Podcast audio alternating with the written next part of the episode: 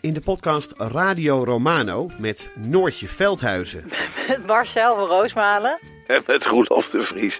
brengen we alle drie elke week een zogenaamde signalering mee. Wat heb jij nou weer bij je? En aan het eind bepalen we wie de winnaar van de week is. Echt een angstcultuur Lege huls die je er bent? Ja, dat gaat eigenlijk altijd onvriendelijk.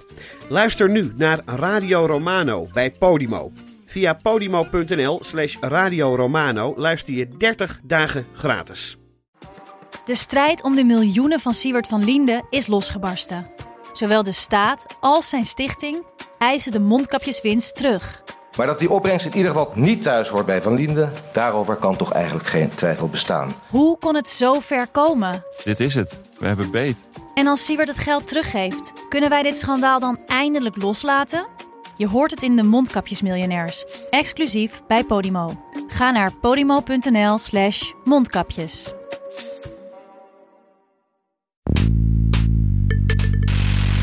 What globalization and new technologies have done is that they have radically increased the returns to being smart. And we are a social species that gets smart by being around other smart people. And this urban edge has not gone down, it has gone up. Dit is Betrouwbare Bronnen met Jaap Jansen.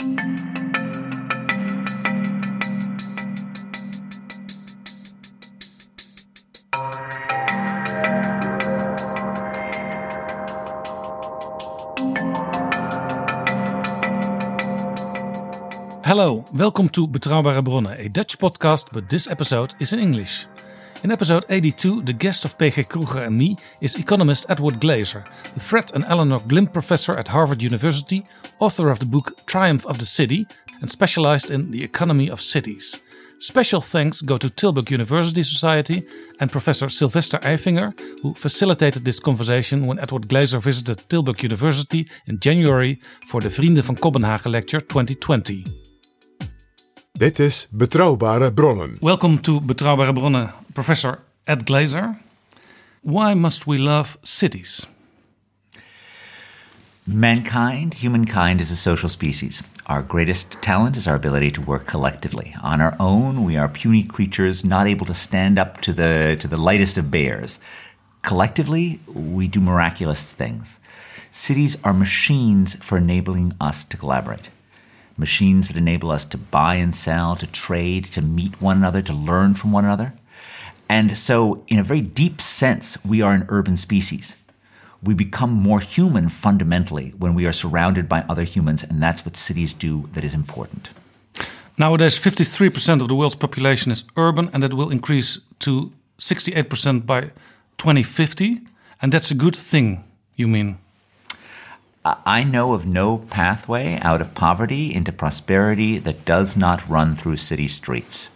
When you compare the those countries in the world that are more than 50% urbanized to the countries that are less than 50% urbanized, the more urbanized countries have on average incomes that are five times higher and infant mortality levels that are less than one third.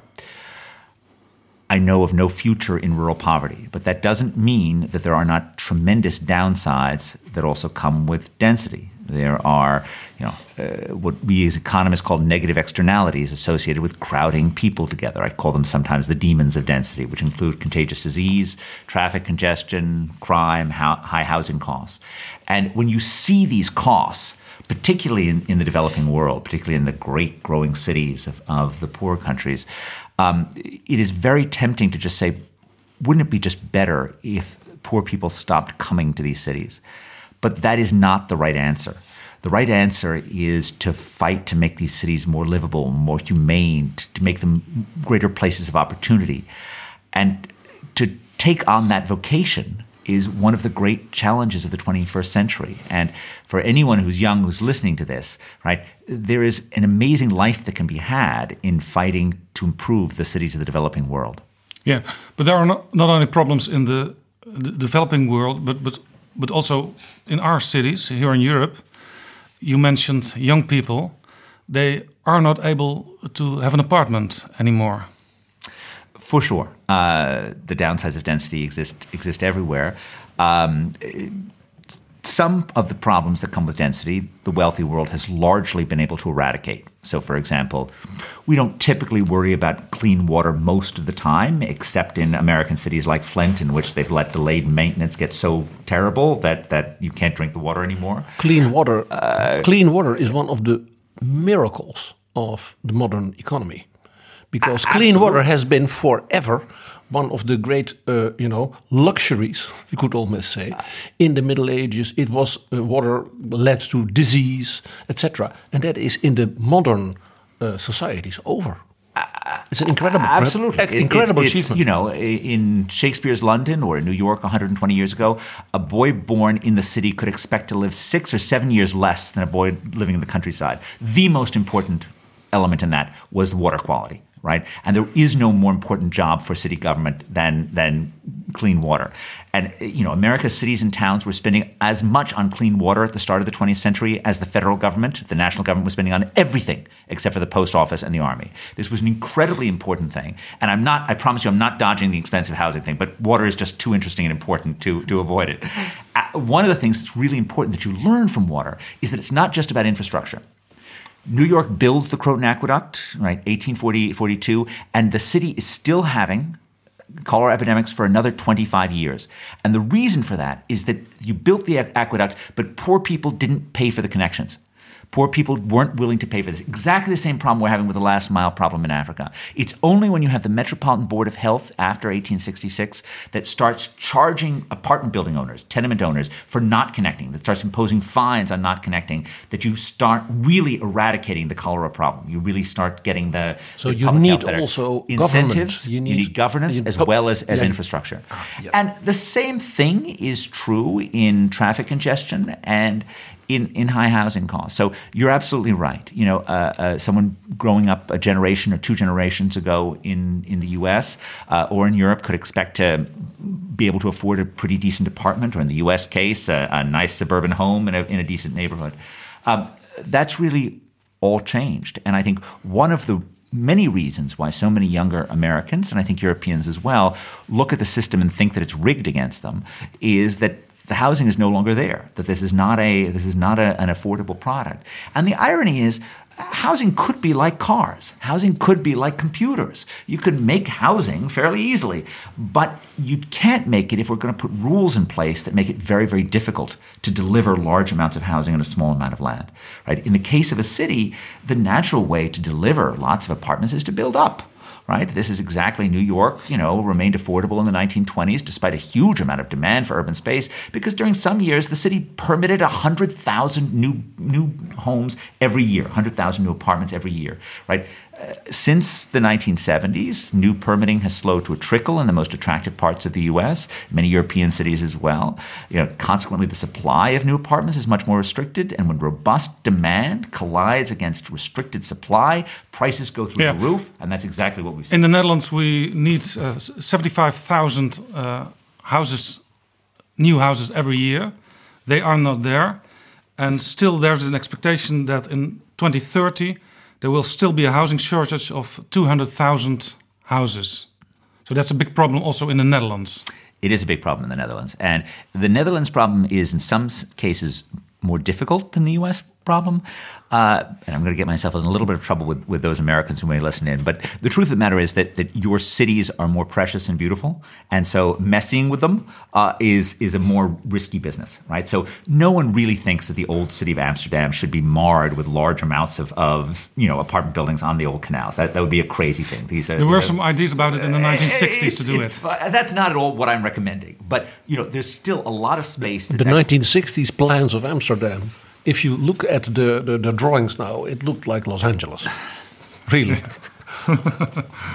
and it is not my business to tell uh, Amsterdam where it should allow height, or to tell the Netherlands where it should allow height.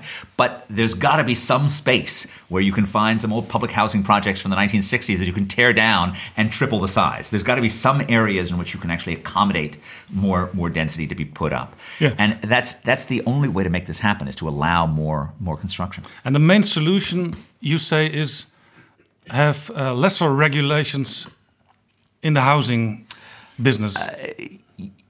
the prices for housing now are such that the private market will supply it if it's relatively easy for it to do so, if there are not regulations that make it impossible. Same thing is true in London, same thing is true in, in most of the expensive cities in the world. Um, you can't provide really cheap housing with private supply, right? If you really want to take care of poor people, you need some form of a public subsidy to do that. But, you know, medium price, middle income housing, the, the private market can deliver it, and can deliver it nimbly and well, but it needs to have space to build. It needs to have areas in which it's relatively efficient to add new density. Whether or not that's you know on the urban fringe or uh, by tearing down something that's old and not loved, uh, You've got to be able to do that. And there's no repealing the laws of supply and demand. The only way to make sure that there's real affordability is to create enough units. Yeah. Um, I, come from the city of Amsterdam. There are many, many rules. And there are also uh, many problems the city council sees, uh, like Airbnb. Um, they need more apartments for youngsters, for nurses, for police officers. They want to help them, but don't really know how to. And now they are introducing a new rule. You have to go to live in your newly bought house and not uh, have others to rent it. Is that a good idea? So, uh, anything that, that restricts mobility, restricts choice in housing, comes with costs, right? If, if we're allocating a unit to you, but someone else values it more than you do, you know, the basic logic of economics says you should be able to rent it out to that person. Now, uh, there are presumably good reasons why Amsterdam has the the public housing pro- policies that it has, and a large share of the city is actually in various public housing units. Um, but uh, I think we do need to be cautious about policies that make it easier to, to allocate space to the people who really value it most. So Airbnb, for example, is a classic example where you've got a little bit of extra space and you're trying to get a little bit of money out of it. Banning Airbnb, of course, comes with costs. It comes with costs to the people who have a house and maybe want to uh, earn a little bit of extra cash. Um, some Airbnb units, plenty of Airbnb units, are though done by professional operators. And it's easy to look at that and to say, well, wouldn't we rather have this space being allocated to long term residents rather than to short term tourists? Um, that's a totally understandable feeling, but it's, it's a very, you know, less than optimal response. The right thing is to allow people to do Airbnb, but to build enough housing so that you don't have this huge fight over a small amount of space.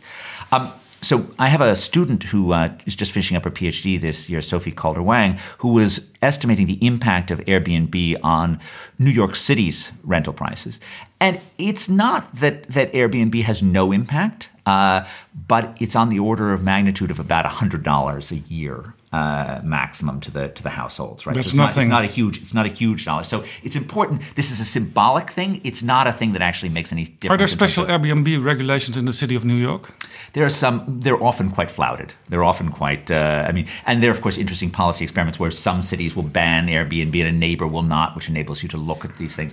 One of the things that's interesting about Airbnb is it pushes up prices for rich New Yorkers more than for poor New Yorkers. And the reason for that is the people who rent out their Airbnb units are doing it in nice parts of New York, not in terrible parts of New York. So I assume the same thing would be true within uh, within Amsterdam. I mean, the other thing that Airbnb raises, the other flashpoint, which is true in many European cities, is dealing with large tourist populations.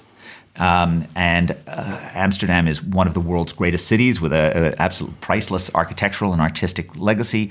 Um, but you know, dealing with tourists can be difficult. There are, uh, I think, the most natural way if an economist thinks that there are downsides to having too many tourists is to tax the things that tourists buy and you know earn a little bit more money off of it. So you know, if if, if you tell me you've got too many tourists, I say you're not charging them enough. So it, it's yeah. uh, it's the. Uh, well, that's that's what uh, what the Council of Amsterdam already sees and they're trying to get rid of all those uh, youngsters from, from the UK that come in uh, on Friday and go back on, on Sunday. Stag and hen nights. and, oh, right. And, so, and, and, don't use a, a good hotel. Yeah, so that might that might require a, a, the appropriate liquor tax of some form. I, I don't know. I mean, the other maybe Brexit will help. the uh, the other issue that um, came up when I was in, in, Barcelona thinking about these issues is the issue of, of you know the tourists who are not very good neighbors, right? So the tourists who actually will cause you know quality of life deterioration in the city. Uh, I think it's not a terrible thing for cities to think about mild law and order interventions on this, right? I mean, many of these tourists wouldn't behave this way in their hometowns because if they did, they'd be, you know, locked up in jail, something bad would happen to them. I don't think you want to be in the business of locking up British tourists permanently. But you know, if they're causing uh, a lot of trouble at 2 a.m., you can lock them up until 6 a.m. Right? You can you can do something with them that, that limits their ability to cause trouble just in a very short run, with, without uh, you know in a community center or something like that. So I think it is important. You know, cities because you're cramming in so many people together, they need rules, and they actually need rules to be enforced. And one of the rules that needs to be enforced is you're not allowed to walk down a residential neighborhood drunks and screaming on at three o'clock on a on a Thursday night. Yeah, and in your papers, I read that uh, you set uh, the city of Houston as an example in building houses because uh, they, they don't have many rules. Much of Texas historically has had very few rules. Houston being a particularly extreme example. Um, you know, you can't. The reason why uh, Atlanta, Dallas, Houston, and Phoenix, each of them as metropolitan areas, added a million people between 2000 and 2010. That growth is, you know, would be impossible without a very, very liberal attitude towards new construction. And mostly that starts with very, very light touch zoning and uh, just an ability to mass produce housing. I mean, that's part of the other difference is that what happens is when you have these highly, you know, defined zoning rules, every new house needs to be custom made. Every new house needs to be fit in, needs to have a, an architect who goes through things. So it's it's basically the difference between mass production and you know having having your suit made by a tailor, and one is a hell lot cheaper uh, than the other. And so the Texans managed to mass produce housing. Now all apartment buildings are somewhere in between, but um, it, in some sense, should shock all of us that building apartments has not gotten a lot cheaper over time. Most of the time, technological change works to bring down production costs. The only reason I think that it isn't in construction is because we've erected so many rules that makes it different, difficult to figure out how to appropriately mass produce attractive, you know, livable units. Yeah, in, in the Netherlands we have a fiscal arrangement called mortgage interest reduction. Uh, in Dutch we call it hypotheekrenteaftrek. Uh, is that a good idea? This is one example of the kind of demand subsidies, at least as I understand it, that governments, when they're faced with high housing prices, because they're not willing to take on the politics of allowing more construction. They say, "Oh, I know what we'll do. We'll give you some form of a demand subsidy. We'll give you some sort of a, you know, it's if it's a housing voucher, or a reduction in mortgage, a interest, sort of rebate, some sort of a rebate." Yeah. But the problem is, right? If you've got a fixed supply, Economics 101 tells you that just pushes up the baseline price. So if you give everyone a 10% discount, then they'll just bid to, you know, 110% of the original, uh, the original price. Um, so it, it's it's it's really a very less than desirable outcome relative to fixing the root of the problem, which is you you just aren't building enough homes given the level of demand to live in this this fantastic country.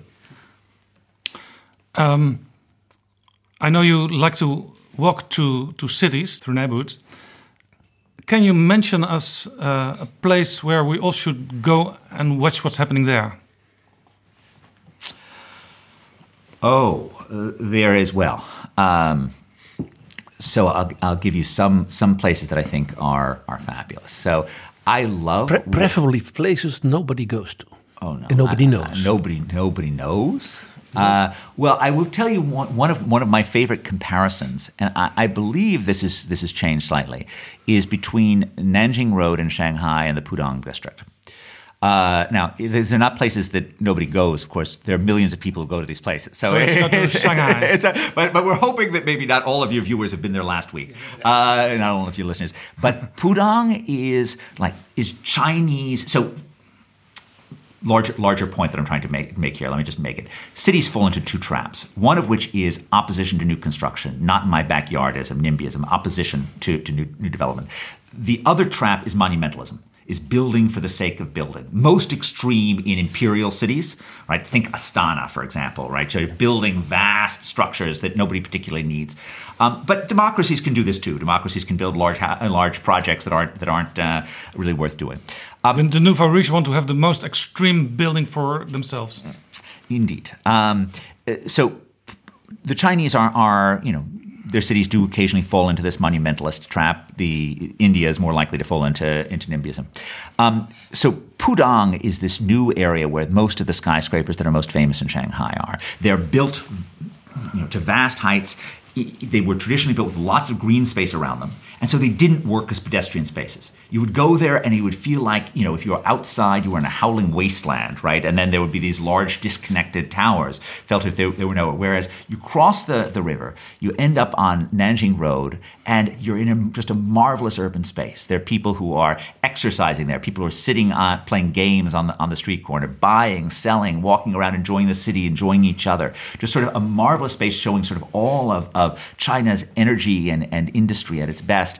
And it's because it's a slightly older area and it's built on, even though they're large buildings, it's built on a fundamentally human scale. And uh, sort of trying to understand the ways in which the physical structures relate to the way that the people use that structure. There's a wonderful book by. Um, Holly Whyte, W H Y T E, who also wrote The Organization Man, uh, called The City, which uh, culminated many years of Holly looking at the way that New Yorkers used public spaces and how, in fact, many of these spaces actually ended up being wildly underutilized. Some of them had particular protective features that enabled them to be used. But this is something that I, I, sort of urge all of your, your listeners to do is anytime you have a chance to see humanity in motion in cities, see how the physical space shapes how they, they interact. Nanjing and Pudong is one, provides one example. Um, but, you know, the differences of, of moving around so, so it's not only um, talking about uh, Shanghai, uh, the Chinese government is is the king in, in urban planning because they only decided themselves. They don't have to uh, work with businesses and other uh, regulation problems. They can decide it themselves. So it's easy easier to build in China than in Absolutely. Europe or in Absolutely. America. Absolutely, and and it's often a tabula rasa, right? You're, you're often starting from a place of very low levels of urbanization. You can uh, decide today to build a city, and in within two years, it's it's there. absolutely, and and you know when Chinese engineering is good, it's very very good. But it's also true that they build cities in places that no one should be building cities, and, and they end up producing ghost towns. So you know both of these things go on. It's um, Whereas India is. Um, so I'll give you another place uh, that, that, that's worthwhile walking around the, the Dharavi slum of Mumbai. And uh, you know, at least my experience when I walk around Dharavi is is it's it's a poor place, but it's not you know wildly poor by standards of, of uh, developing world um, ghettos. Um, it's actually a place that's unbelievably full of industry. You, you, walk down and you see a couple of guys and they're, you know, recycling boxes, and that means you chop open the box and you turn them around so no one can see the old labels. And a little bit further on, there, there are two guys inside of a, of a workshop, and they're they're sewing undergarments, and you, you think you're in the, you know, some old, you know, Soho factory in 1906. And then a little bit further on, there's a ceramics cluster, and they, they make pots, and they're so proud of the pots they won't even charge you any money for them. And, and you just feel thrilled with like the energy of, of Indian entrepreneurship. And then you walk outside and you see a child defecating in an unpaved road. And you know the water isn't fit to drink and the electricity is, is malfunctional. And it reminds you of how much cities need not just, you know, individual energy, but also some form of public sector maintenance, some form of public sector sector care to actually deal with these downsides of, of density. And in some sense, the sort of Indian slum example is one in which you see the sort of extreme of like public failure and private success. And I think that that motif helps us understand a variety of, of the current discontents about urbanization, both in the poor world and in the rich world. I mean, in some sense, the housing issue that you've raised captures the fact that demand for cities surged after the, the 1980s, and uh, the public sector has really never totally adjusted. So, never, so, so, so, you, so you have to deregulate uh, to be able to build enough houses, but you also have to regulate in some way. Absolutely.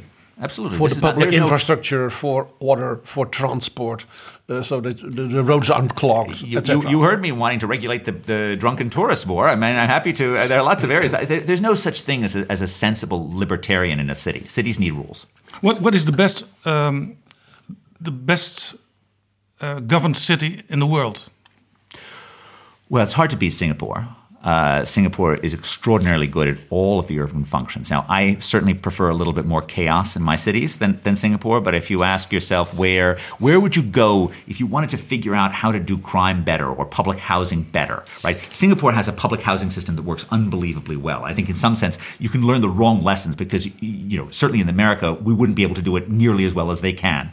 Um, their their mass transit system works incredibly well. Their schooling is you know is superb. Um, all of these areas Singapore does just unbelievably well. And a But I'm, I'm also told uh, Singapore is uh, run like a business. Every minister earns more than one million dollar a year. There's also censorship, and there's also uh, corporal punishment. And there is authoritarian uh, government. I I am uh, as I said I like a little more chaos in my in my city than Singapore tolerates. Uh, uh, Um, to be very honest, a, a- a city which is probably not very well governed. Let's put it the other way. For a historian like me, the not so very well governed cities tend to be the most fascinating. Think of Mexico City, think of Cairo. Uh, you already said Mumbai. Uh, they're probably not, not very well governed, but they tend to be fascinating. A- absolutely, and and just to just to, one last quote, right? uh, There is, I am always on the side of the fight for freedom. But if we ask about who can actually deliver city services, that's a different. It's a different question. I just want to I just want to differentiate that. But your point about chaos being much more interesting is also true. That, that's also that's also right. So I grew up in New York in the 1970s, right, when the city was an absolute mess. Right, in lots of ways, right? Crime had expanded, expanded enormously. The city was on the verge of bankruptcy, but boy, was it interesting! It was, it was and we've had 30 years of, by and large, great success. And much of the city is less interesting now than it was in, in the chaotic 1970s. Now, I, I'm not saying that New York should wish to go back to the 1970s, but it's, it's, it, it was a very interesting time. But you'll probably also be a great fan of uh, Robert Caro's book on Robert Bob Moses. So I think Caro's book is a tremendous piece of scholarship. I also think it's incredibly slanted. So uh, I think that um, Moses, you know, when I was a kid growing up in New York, every park that I played in, every pool that I swam in, every road that I, I drove on was given to us by Robert Moses. And it is important to, to remember when you read those things. And Moses did some really bad stuff, particularly later on in his career, right? Moses But he was a genius. He, he managed to get infrastructure built.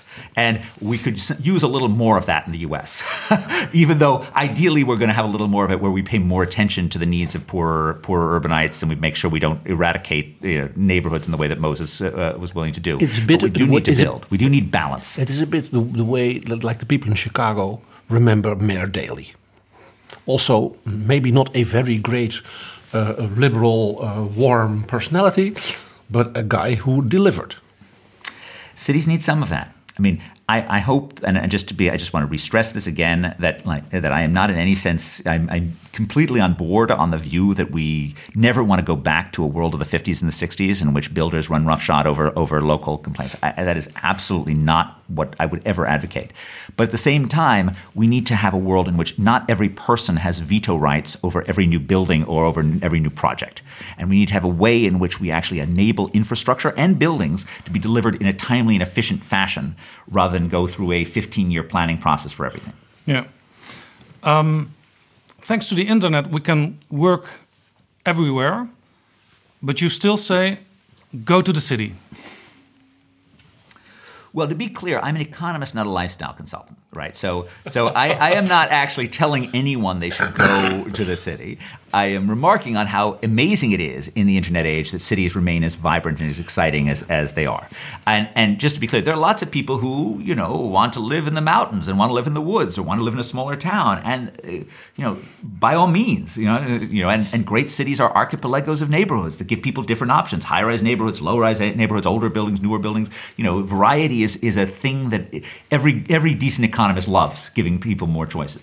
Now, that, that being said, there still is this amazing thing that when I got started in this business 30 years ago, um, observers of urban uh, growth, of urban change, noticed that the decline of the cost of transporting goods, rise of highways, rise of containerization, lowering uh, rail costs, had radically reshaped urban America and had basically caused an enormous amount of deindustrialization throughout the entire urban world right? Because you no longer, every one of the older, colder cities in the US was built on a major waterway. All of their industries were anchored by ports or rail lines. And when those transportation advantages became irrelevant, the industry moved to places where labor was cheaper. First in, in the suburbs, then in, in the Sun Belt, and then across the oceans to, to lower cost uh, countries. Um, and when I started in this business 30 years ago, some smart observers of urban life said, oh, well, if lower transportation costs for goods killed off urban manufacturing, then lower transportation costs for ideas are going to kill off urban financial services and urban publishing and all these other urban urban businesses which rely on people communicating with each other.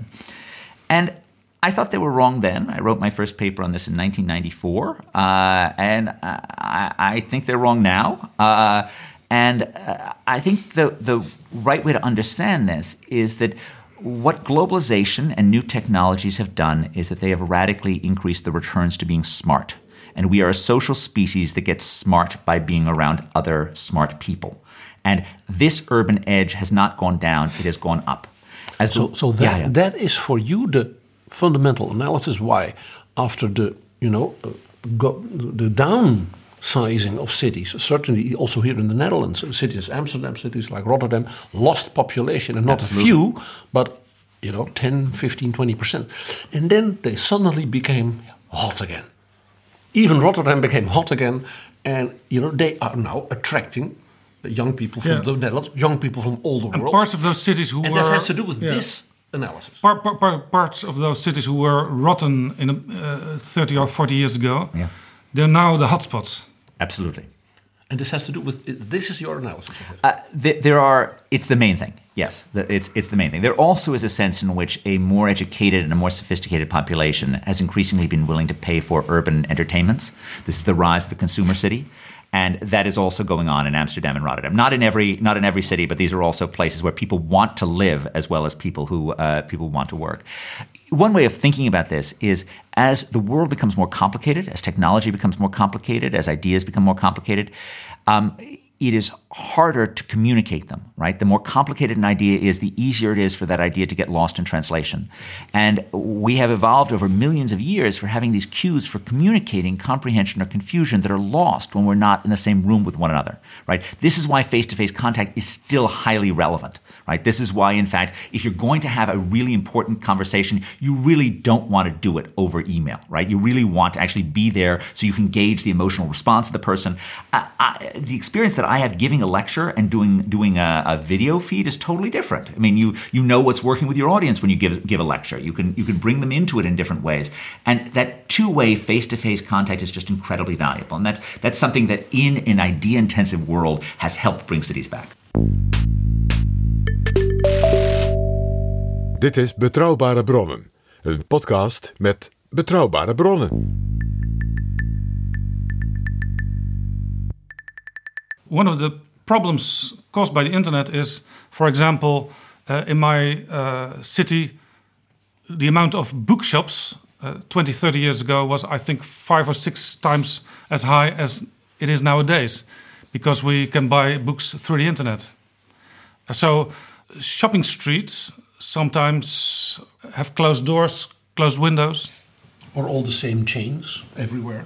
There, there were, uh, for example, some nice small streets with nice small shops. They're now be, being replaced uh, by all the, the chains we, we know already. So uh, this is true. Uh, I think the the vacancies. So so you certainly see the the large scale re- retail vacancies in some parts of of Manhattan. Um, I think that's likely to be a short term phenomenon, right? Um, largely because that space will be reutilized. Someone will figure out that that space is proximate to a lot of people. It may not be the same thing. It's likely to focus more on selling experiences rather than uh, selling goods. So, for example, I was just looking at uh, Yelp transition data. So I've got Yelp data from 19 from 2012 to 2018, and so we look at Yelp stores that close and Yelp stores that open. And the dominant thing that you see yeah, for our listeners, uh, Yelp is uh, an app, a site where you can uh, ask questions uh, like what's a good restaurant right. uh, where can i go for some things and That's right. that. That's right. It's very common in the U.S. And what you, what you can see is because you view the same addresses and you see stores that close, is that a lot of goods selling stores close and are replaced by restaurants or cafes or bars. Right. So you have you have this sort of replacement of goods with experiences, and I think that's likely to be the case. You know, there are.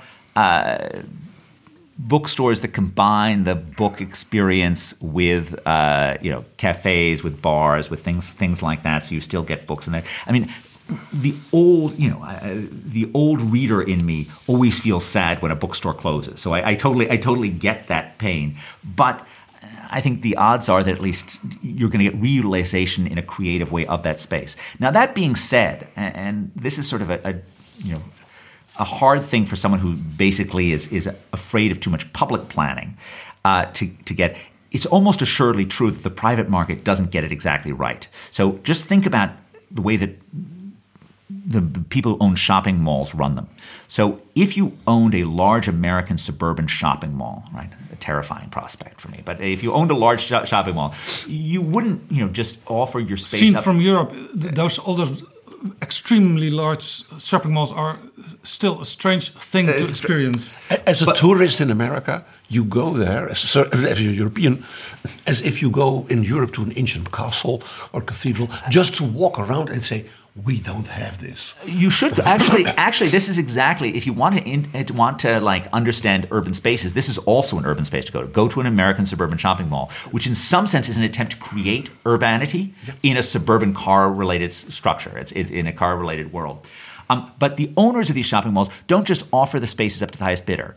They offer discounts for shops that are interesting, that will bring people in. They offer higher prices to other things. They creatively manage this space in order to find. Now, it may not be to the to the taste of your readers, but uh, to your listeners, but it does bring in customers. And so, the same sense, this if you were in urban owner of a three block area, you would not just say, "Let's make it all banks." Right? Because no one would come. You try to figure out some way to uh, to create an interesting mix of retail that combined maybe the most lucrative shops with the ones that were interesting and, and drew people in.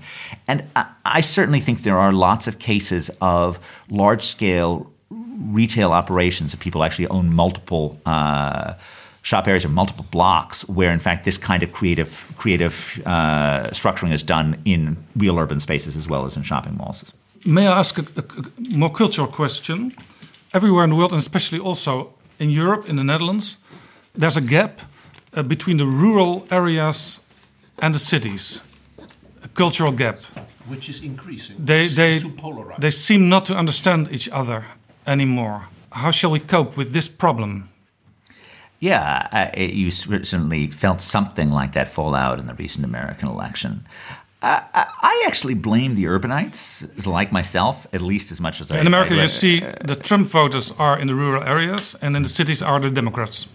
I, I think that. So I would actually say that this is an area in which I think cities are failing more than rural areas, um, uh, because there's just no attempt to understand the values and uh, the mind view of people who are living in, in lower density areas that don't have the same sort of onrush of, of change, that are living in a more traditional lifestyle, that are often, in the case of the US, I mean, there's a whole swath of territory, which I've called America's Eastern Heartland, which starts down in Louisiana and Mississippi, runs through the mountains of Appalachia, and ends up in the Rust Belt cities of the old uh, industrial uh, Some areas. people call this flyover country. So in the U.S., the reason I would differentiate between the Eastern and the Western Heartland is that American joblessness is concentrated in the Eastern Heartland, not in the Western Heartland. So the sort of natural resource rich states of the Dakotas and Wyoming and Colorado, these are places in which uh, employment rates are very high. Education is traditionally very high in these places. Um, these are not the parts of America in which you have sort of very, very high levels of male joblessness, high levels of opioid consumption, very low levels of education. That's, that's sort of an Eastern Heartland thing as opposed to a Western Heartland thing. And a lot of this is about education, right? In some sense, in terms of like, in terms of overall economic growth, I tend to be a, a very reductionist theorist in that I think the two things really matter. One of which is human capital, investment people, and the second of which is decent government rules. A decent set that, that enable entrepreneurship, but also keep people safe from harm and do do uh, uh, the right combination and of things. strengthen the formation of human capital through education, through. R and D, through communication, through the arts, etc. A- Absolutely. The Western heartland has actually traditionally been the, the birthplace of the American high school movement, which started in, uh, in Iowa. Agricultural wealth got turned into human capital over, over decades. Uh, and traditionally, they've been pretty well run. The Eastern Heartland, however, had both the, the Jim Crow's cotton country in the South, where mm-hmm. education was ro- was was deeply ro- low because of partially because of, of racial reasons, but also for other cultural reasons. And then the industrial cities, the kids were earning too much working in the factories to take them out and let them go to school. So they also had less investment in, in high schools. So the, the, that's the area of America that's most problematic. And it's the area that is most crucial for successful urbanites to try to understand. Because unless you are able to find some common bond with these people, they're going to vote for someone other than you. And if you're going to nominate candidates who are only going to speak to people who share your values, uh, you're going to ensure an America that's split. And I think the same thing is true everywhere. That we have all of us. It's, like President Obama who said, "There is no red America, there's no blue America, there's only the United States of America." His speech at the 2004 uh, Democratic nomination, uh, Dem- Democratic convention, absolutely, it's, it's a great, it's a great set of lines, and it's it's a very important set of lines. Um, but hard to do. But very hard to do. But it starts with at least with some humility that that you know we are those of us who love cities and live in them are lucky to be there, but there's nothing about us that is intrinsically better than people who live in, in rural areas. When we look at uh, young Americans, 50% of them would prefer living in a socialist country nowadays. Uh, this relates to your, your question on housing. I, I think when we look at the experience of, of younger Americans, I think many of them feel that the status quo has failed them. They look at uh, the very long, painful decade of recovery from the Great Recession. They look at the Iraq War. They look at housing, which is out of reach. They they fear climate change and see a government that's doing very very little uh, about it. Huge debt for education the, for huge, your university. Huge debt for education, and a government which has been often referred to as a pension plan with an army right? Which is not not their priorities, a right? Pension plan with an army. It's not my line. It's it's uh, the but you know the, the American government spends large money on, on you know programs for older Americans, and it spends money on its military arsenal. Those are the two things that it does. Neither of which would seem to most 22 year olds to be their top priorities. Um, and so they think the current system is broken. The one thing that socialism has going for it is because it's been, you know, anathema in the U.S. since really since 1919, but certainly since 1945 uh, it can bear no blame. Whatever whatever you're seeing going on, it's not socialism's fault, right? So that and that's the one thing that socialism really has has going for Which it. Which makes it, of course, completely different from Europe. Absolutely. In Europe, young people they can be liberal, they can be left wing, but none of them wants the German Democratic Republic to come back. Right. And you know, I, I, when you ask them you know, what they think socialist, socialism means, there was a Gallup poll on this. Oh, very few of them say it means government ownership of the means of production. That's that's which is its actual definition, right? They, they think it's a, it's a, it's you know about being more social. It's about being nicer. It's it's some other. It's not about building the, the, Berlin Wall. But the current system is uh, is broken. It does need fixing.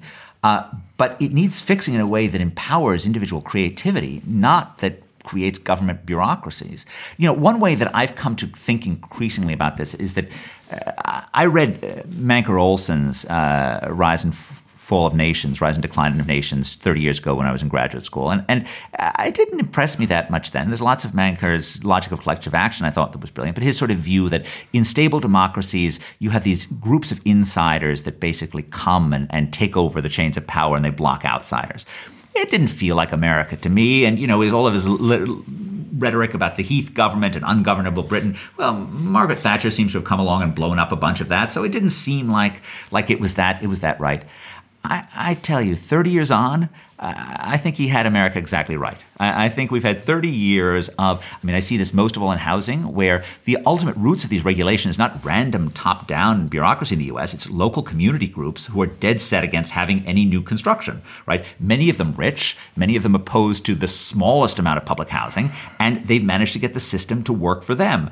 It's, you know, retail store owners who have put on regulations against opening new businesses in, in the area. It's occupational licensing. It's the, the lobbying group that represent uh, senior citizens that are unwilling to consider the slightest increase in yeah. the retirement age. Yeah, you, men- you mentioned Margaret Thatcher. It's a bit like uh, the trade unions in the UK in the 1970s, 1980s. Absolutely. So it was the trade unions that completely stopped Heath's attempts at reform in the early in the early 1970s, who made England seem ungovernable. But it's, it's important that like that Olson's vision, and I think the correct vision, is not particularly about you know left wing versus right wing. His vision was that there were there were the unions, but there were also trade groups that represented rich people that were you know, and, and the same thing would be true in America America today, right? There are there are some groups that, for example, public sector unions that have blocked change in education and have uh, you know stacked compensation really strongly towards pension plans away from from current uh, current dollars. Um, but there also are, you know, Wall Street bankers who have worked the system in, vari- in various ways. It's, it's true of both groups, but it feels very much like we don't have a capitalism for outsiders. And that is what really America needs. Is not socialism, but it needs a capitalism that actually gives people who come into the system more, and then does less to get in their way as they as they work. And I think some uh, youngsters see uh, all the main politicians um, being paid by uh, big business, by Wall Street, uh, also Hillary Clinton uh, in the past, and they turn to Bernie Sanders or Elizabeth Warren. absolutely, and and they're they're right to be revulsed by that. That's exactly how insiders wield power, as they they you know manage to figure out ways to compensate politicians for doing their bidding. That's exactly what Olson was talking about, uh, and they're right to be revulsed.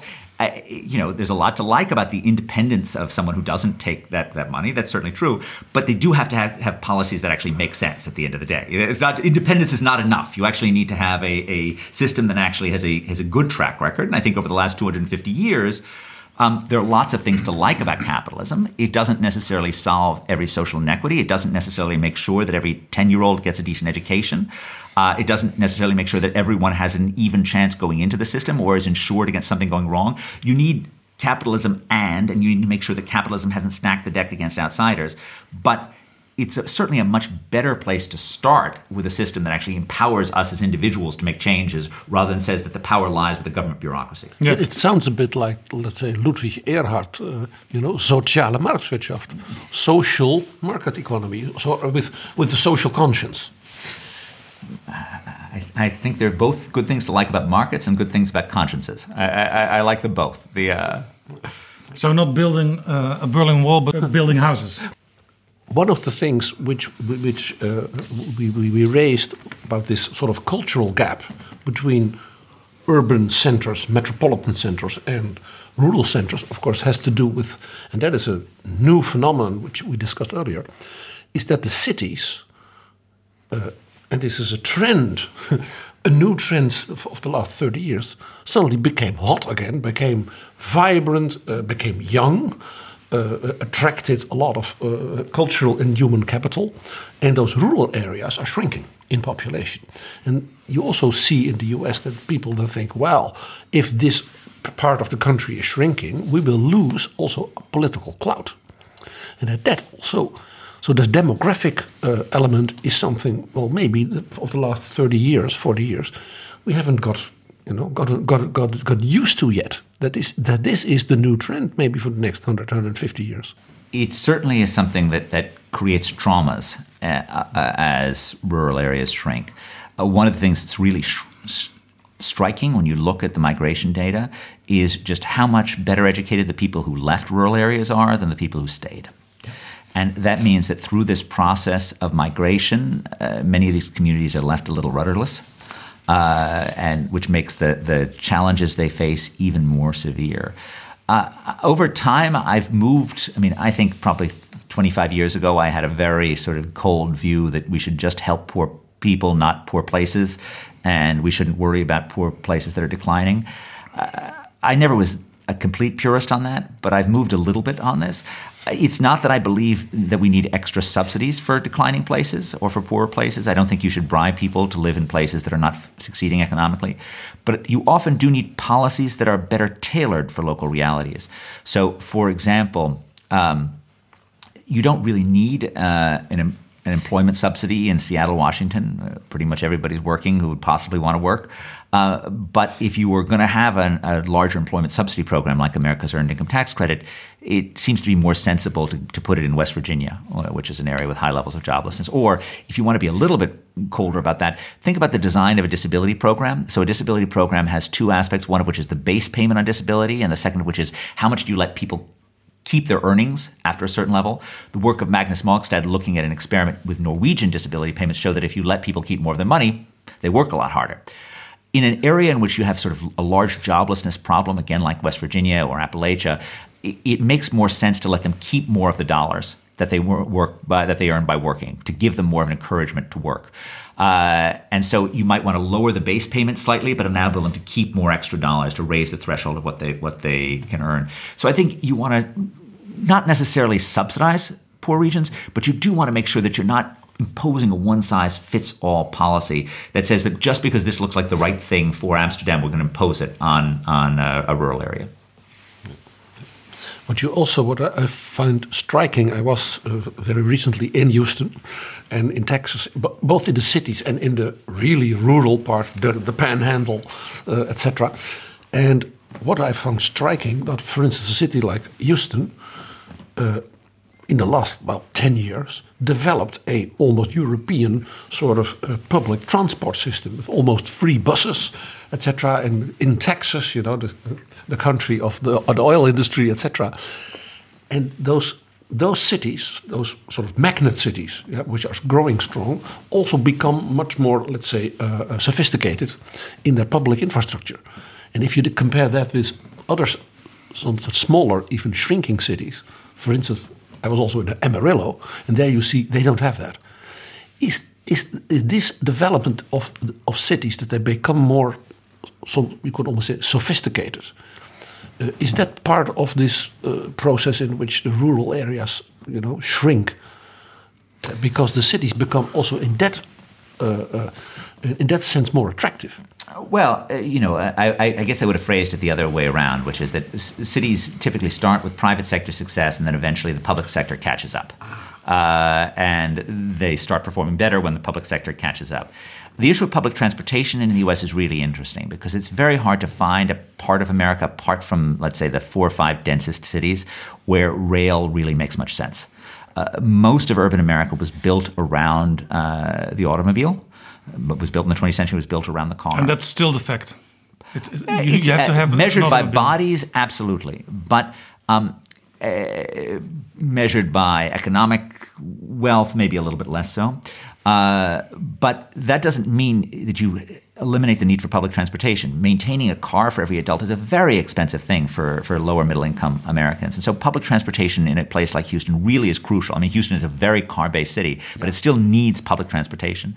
And the beauty is we have, you know, these these the possibility of doing technological innovation with smart, you know, electric buses. We can have in some future date we can have autonomous buses that are carrying around here. We can have buses of different different sizes. So uh, one of the points that transportation economists have, have often made is just there's not a lot that you can do with a train that you can't do with a bus on a dedicated lane in an urban area. So you've got to make a dedicated lane.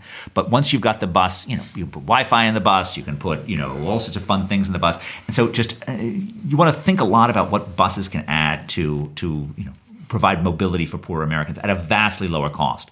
And we see this also in the developing world, where bus rapid transit has been one of the great public transit success stories, where it just provides massive mobility uh, in places like. Uh, Bogota uh, with the Transmilenio at just a fraction of the cost that rail would bring. I have been there, and I, I, I, I experienced the system there in Bogota. It's, it's very a little nice. crowded. It's yeah. a little crowded now, yeah. but it is, it is very nice. Yeah. And you have special platforms to, to stay absolutely. for the bus. Absolutely. Yeah. It's, yeah. Um, you are an advocate of uh, flourishing cities, but you yourself went to live in a suburb. It's absolutely true, proving, proving that I'm, a, I'm an economist, not a lifestyle consultant.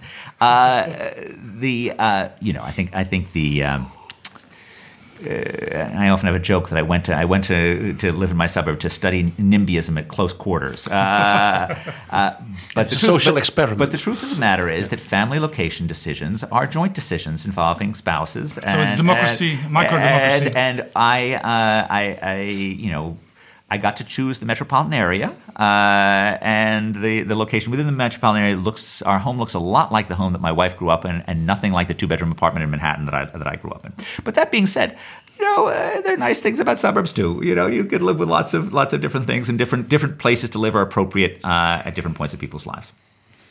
Yeah, uh, one question. Maybe it's it's too, too strange question, but here, here in the European Union uh, there's an ambition to become the first climate neutral continent by 2050.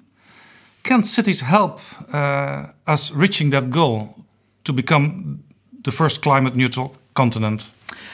Uh, I certainly think so. I've, I've, worked on this together with Matt Kahn, where we've estimated carbon emissions associated with living in different ways throughout the US. And certainly the prevalent pattern is that in terms of household emissions, which are tri- primarily what's involved in heating and cooling your house and then uh, transportation, uh, places that look uh, green or brown and places that look brown or green. That uh, both because of much shorter distances involved in moving around cities and because typically urban apartments, even holding income and family size constant, are smaller, right? They use much less energy to heat, to heat and cool. Um, and so, uh, for that reason, density proximity is sort of a crucial thing. Um, it's important when you think about um, the, the importance of density to also think about other rules that then relate to climate. So, for example, you never want to think just about the climate neutrality of a building on its own. So, I can put a building in the middle of you know the, the Black Forest and make it you know carbon carbon neutral, putting uh, solar panels all over it. But if the owner still needs to drive 40 miles to any time they want to do anything, you've undone all of all of that. Um, the other thing that's important in the U.S. context is where you're located, and here I think um, I think California environmentalism has actually done a bad thing for the environment because if you look across the U.S., by far the most naturally low carbon part of the U.S. is coastal California. And that's because they have very mild winters and uh, very mild summers. And consequently, you don't need a lot of heating and you don't need a lot of cooling as opposed to other parts of the U.S. where you know the Midwest, which has horrendously hot summers and horrendously cold winters, and uh, you know you need enormous amounts of energy. And so, if you really were interested in minimizing America's carbon footprint, what you would do as a as a California environmental activist is you'd be rooting for every high-rise development that could possibly go on the San Francisco Bay, right near to the near to the California public transit system there.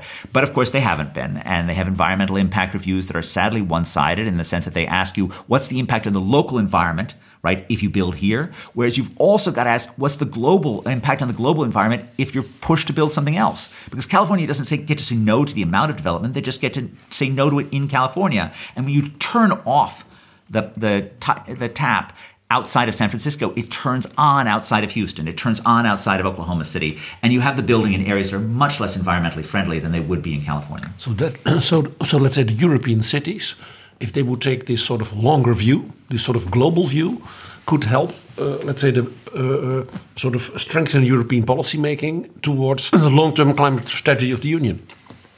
I think you always want to bring urban form into thinking about climate strategy. I think that's certainly right. You talked about how fascinating a special part of Shanghai is, a special part of Mumbai. Is there also a special place you very much like in Europe? There are so many. I mean, uh, it's it's. I mean, uh, I remain completely in love with Amsterdam, in part because you know it's. I grew up in a city that's that's a child of Amsterdam, right? I mean, I, I went to a school that New was York, that was that was founded by the Dutch, who were keenly aware of our, our Dutch heritage. Um, but it's also, I mean, uh, it's the culture, obviously. Uh, I think the, the, the new recreation of the Rijksmuseum does a wonderful job of making the case that Night Watch is actually, you know, is is better than the Mona Lisa. That's a that's a that's a reasonable uh, a reasonable. Uh, clearly, that was the point of the of the thing, and they're clear that they're making that case. But I think also for me, when I think about the roots of the political freedom that is so central to what I think is most valuable in, in governments. I think think of the, the the war that the Dutch the Dutch fought for for freedom against their imperial overlords and the creation of the, the incredibly successful republic that followed as being sort of a, a, a, magical moment in world history and one that very much prefigures uh, the American Revolution uh, 150 years afterwards.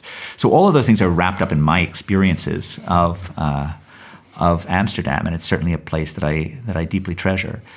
Professor Glaeser, may I thank you for having this insightful conversation. Thank you so much for having me on.